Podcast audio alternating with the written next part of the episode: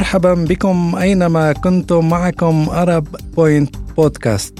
نناقش القضايا الاجتماعية والإنسانية ونتناقش في السياسة. ونحلل الوضع الاقتصادي ونتحدث عن العلم والثقافة. نتناول مواضيع مثيرة للاهتمام لنقرب لكم الصورة أكثر. أطيب التحيات لكم منا أنا عماد الطفيلي. وأنا حيدر عجيب.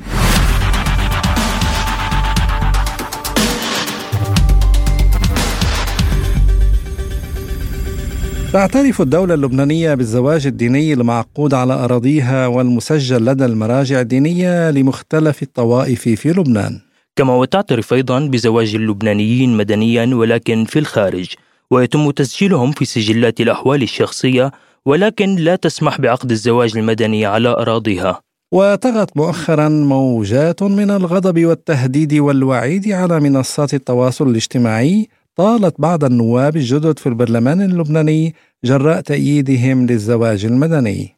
طبعا هؤلاء النواب يا عماد عبروا عن رأيهم خلال لقاء مع الإعلامي مارسيل غانم في برنامجه بعد أن سألهم عن رأيهم في الزواج المدني الاختياري. آه، وهؤلاء النواب من السنة هم إبراهيم منيمني وحليمة قاقور ووضاح الصادق. طبعا أصداء هذه الحلقة وموقف النواب السنة انتشرت في الشارع فكان الرد قاسيا من مشايخ دار الإفتاء وعبروا عن غضبهم. واجب على كل واحد أعطاه صوته لإبراهيم نيمني ولوضاح صادق حليمة قعقوره حتى يتوب إلى الله من هذا الذنب. وهذه الجريمة النكراء أنه يبرأ إلى الله منهم على وسائل التواصل الاجتماعي. وبس يشوفوا بالشارع يبصقوا عليه. يقولوا أنت ما بتمثلني ولا بتمثل ديني. هن معهم فرصة. إذا لم يتوبوا ويعودوا عن ذلك. وهذول الثلاثة وكل من يعتقد باعتقادهم من بقية النواب. ويعنوا صراحة وعلى الملأ من دار الفتوى أنه نحن لسنا مع الزواج المدني. أنا أقولها لك هؤلاء خرجوا من دين الإسلام. لنستمع لما قاله أيضا أحد رجال الدين على منبر المسجد في دعوة لمحاربة هؤلاء النواب.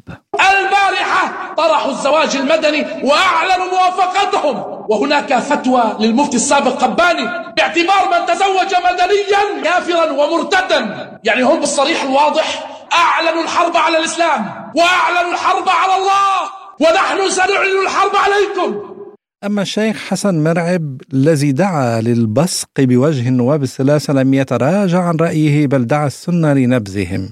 قمه بالأخلاق لما بدنا نتفه عليك فأنا بتعرف شو عم أعمل أنت إنسان منبوذ بمجتمعي أنا أنا أمثل الآن شريعة ربنا عز وجل أنا الآن أبلغ شريعة ربي سبحانه وتعالى بالزواج المدني مش بس المثلية بيتزوج عمته بيتزوج خالته بيتزوج أخته. هيدي قوانين الزواج المدني.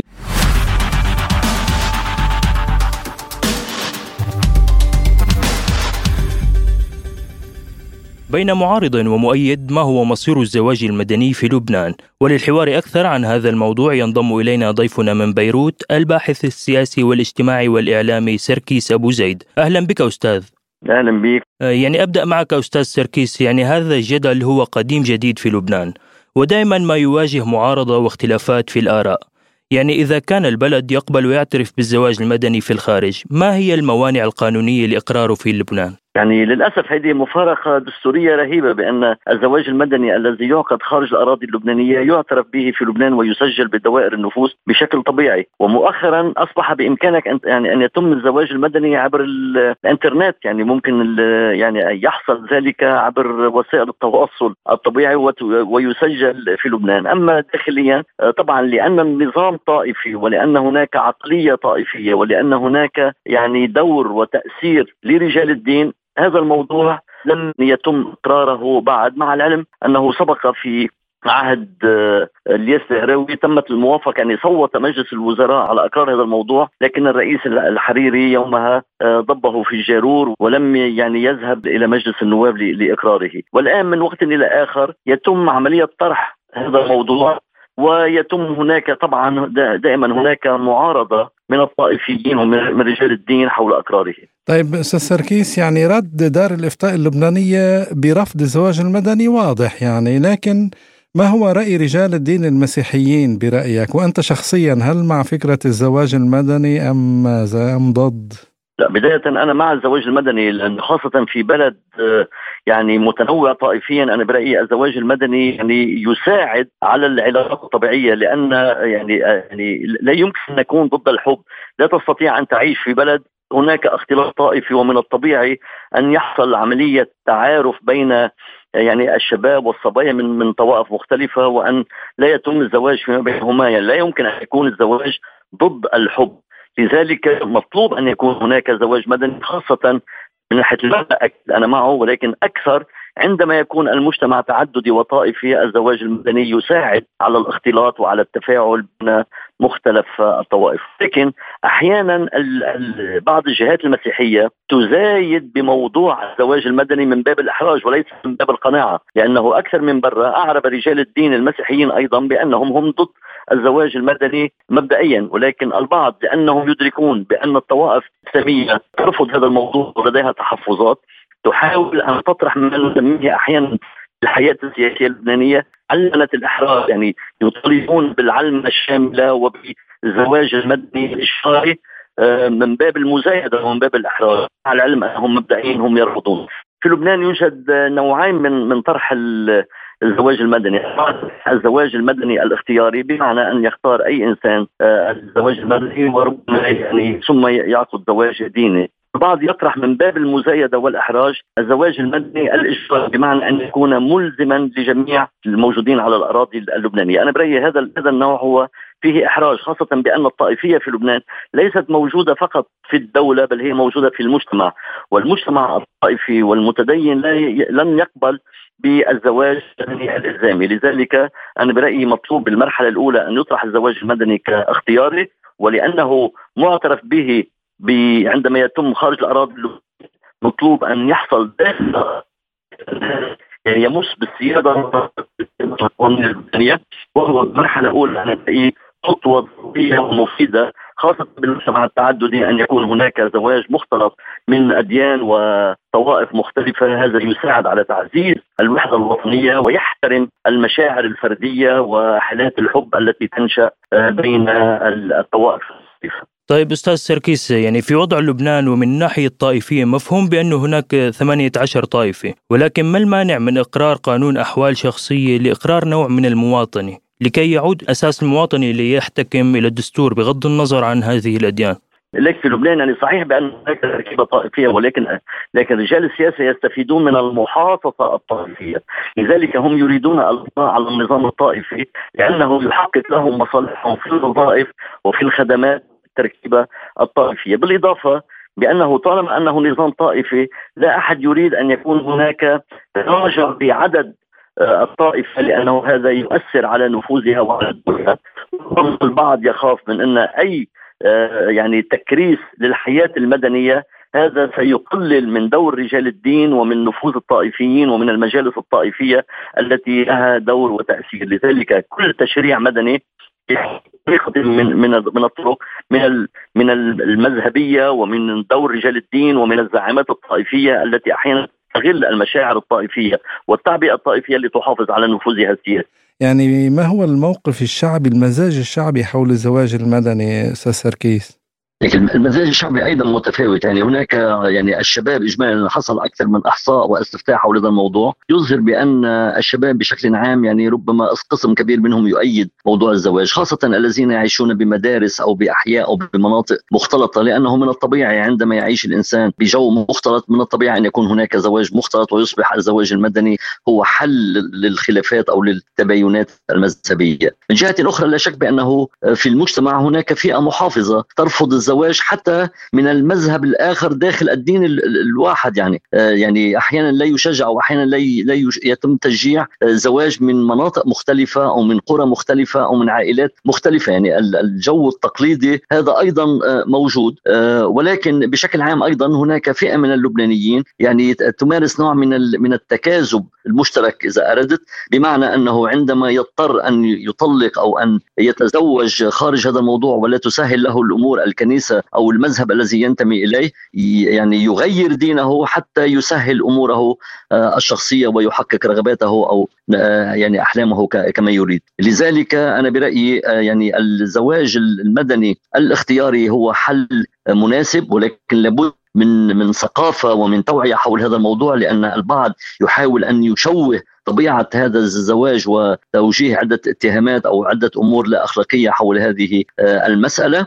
أما آه، طبعا يعني كمان هناك دور الإعلام بإيجاد ثقافة حول هذه المسائل بس ولكن أنا على الأكيد إنه رغم كل الصعوبات التي تواجه هذا الموضوع هناك نسبة عالية متزايدة سنة عن سنة للبنانيين الذين يسافرون ويعقدون زواج مدني في الخارج ثم يعودون إلى لبنان لتسجيله في الدوائر الرسمية. طيب أستاذ سركيس يعني الأشخاص اللي تزوجوا مدنيا باليونان وبقبرص وعادوا للعيش بالبلدان العربية برأيك هل فعلا يفلح الزواج المدني في العالم العربي بتخطي الفروقات الطائفية والمذهبية؟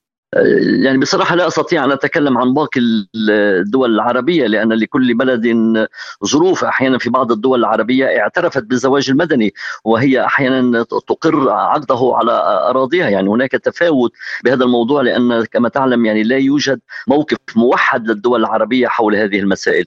ولكن بشكل عام كلما كان هناك اختلاط وتنوع كلما كان هناك انفتاح وتجاوز لكل الكراهية أو أو الأحقاد أو التباينات الطائفية بالإضافة بانه عندما تبنى العائله يصبح الأولاد يعني لهم لهم ثقافة مختلطة مشتركة وهذا يساعد على إيجاد تعايش فعلي داخل العائلة وداخل المجتمع. لذلك أنا برأيي الزواج المدني هو ضرورة لأنه يشجع على هذا النوع من الزواج المختلط مما يبني عائلات وطنية عائلات يعني تحترم الأديان على تنوعها ويحد من الخلافات المذهبية والطائفية وثقافة الكراهيه أه، أستاذ سركيس أه، خلاصة لما تحدثنا عنه ما سلبيات وإيجابيات الزواج المدني برأيك خصوصا في لبنان؟ نحكي.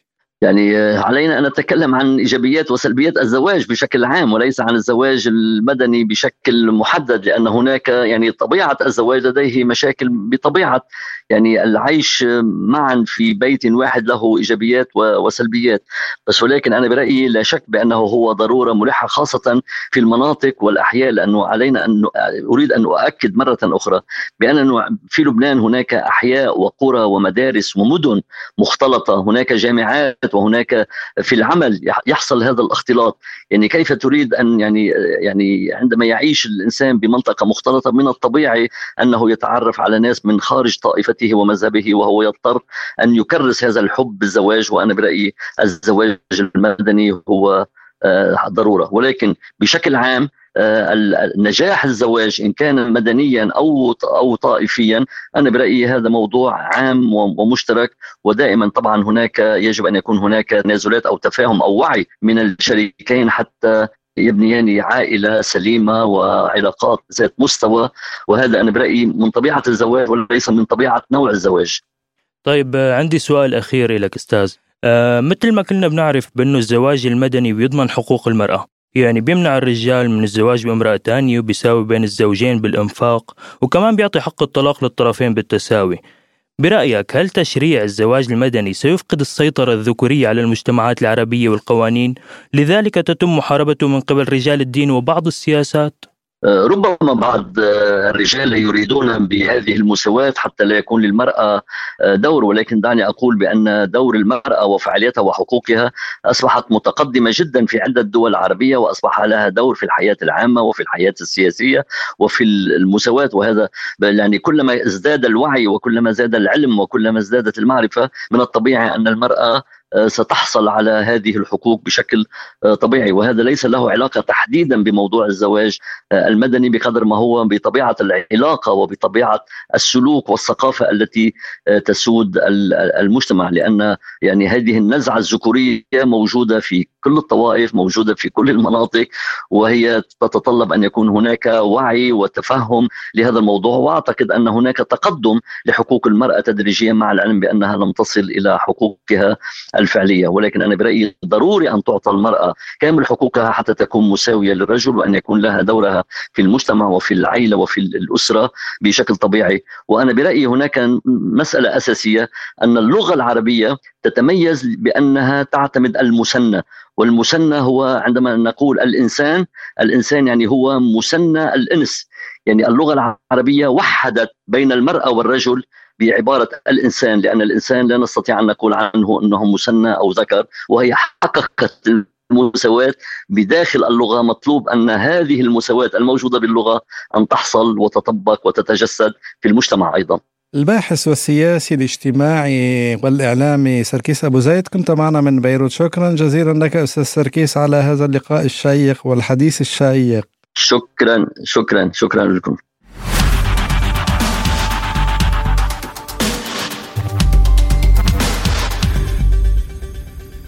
طبعا موضوع الزواج المدني سواء في لبنان أو في أي دولة عربية هو موضوع مهم جدا وحساس. لكن أنا رأيي الشخصي أنا مع الزواج المدني لأنه الزواج المدني يعمل على آه، الانصهار الوطني. يعني يبعد آه، الطائفية يخفف من الطائفية خصوصا في بلد مثل لبنان. يعني يعتمد الطائفية السياسية يعتمد كل شيء على الطائفية. أعتقد بأنه حتى لو كان هناك يعني آه، يجب أن يكون طبعا اختياري زواج مدني اختياري ومسجل لدى الدولة. يعني ما في داعي الإنسان يروح على قبرص حتى يعقد زواجه. ليش ما بيكون بلبنان؟ بمحكمة بلبنان وانتهى. من يريد زواجا مدنيا فليكن ومن يريد دينيا فليكن. يعني هي حرية شخصية تعود إلى الإنسان. أنا شخصيا مع الزواج المدني. طبعا أنا بوافقك الرأي وبعتقد أنه تسخيف موضوع طرح الزواج المدني بهالتوقيت وقول للبعض أنه في قضايا أهم من عالجها كتير خاطئ الزواج المدني واحد من أهم الحلول يلي بتساهم بالمدى البعيد بالقضاء على الطائفية ويلي هو أكتر مطلب صرنا بحاجته بالبلدان العربية لنرجع سوا ونكون إيد وحدة. وأكيد ما لازم نستغرب بهالهجوم الشرس على هالموضوع من كل حدا رايد تكريس الطائفية. معك أنا بأيدك بهالرأي وبهذا مستمعينا نكون قد وصلنا معكم لختام حلقتنا من أرب بوينت بودكاست كنا معكم أنا عماد الطفيلي. وأنا حيدر عجيب. ولا تنسوا الاشتراك والإعجاب وكتابة التعليقات بتعليقاتكم. نتطور. إلى اللقاء. وإلى اللقاء.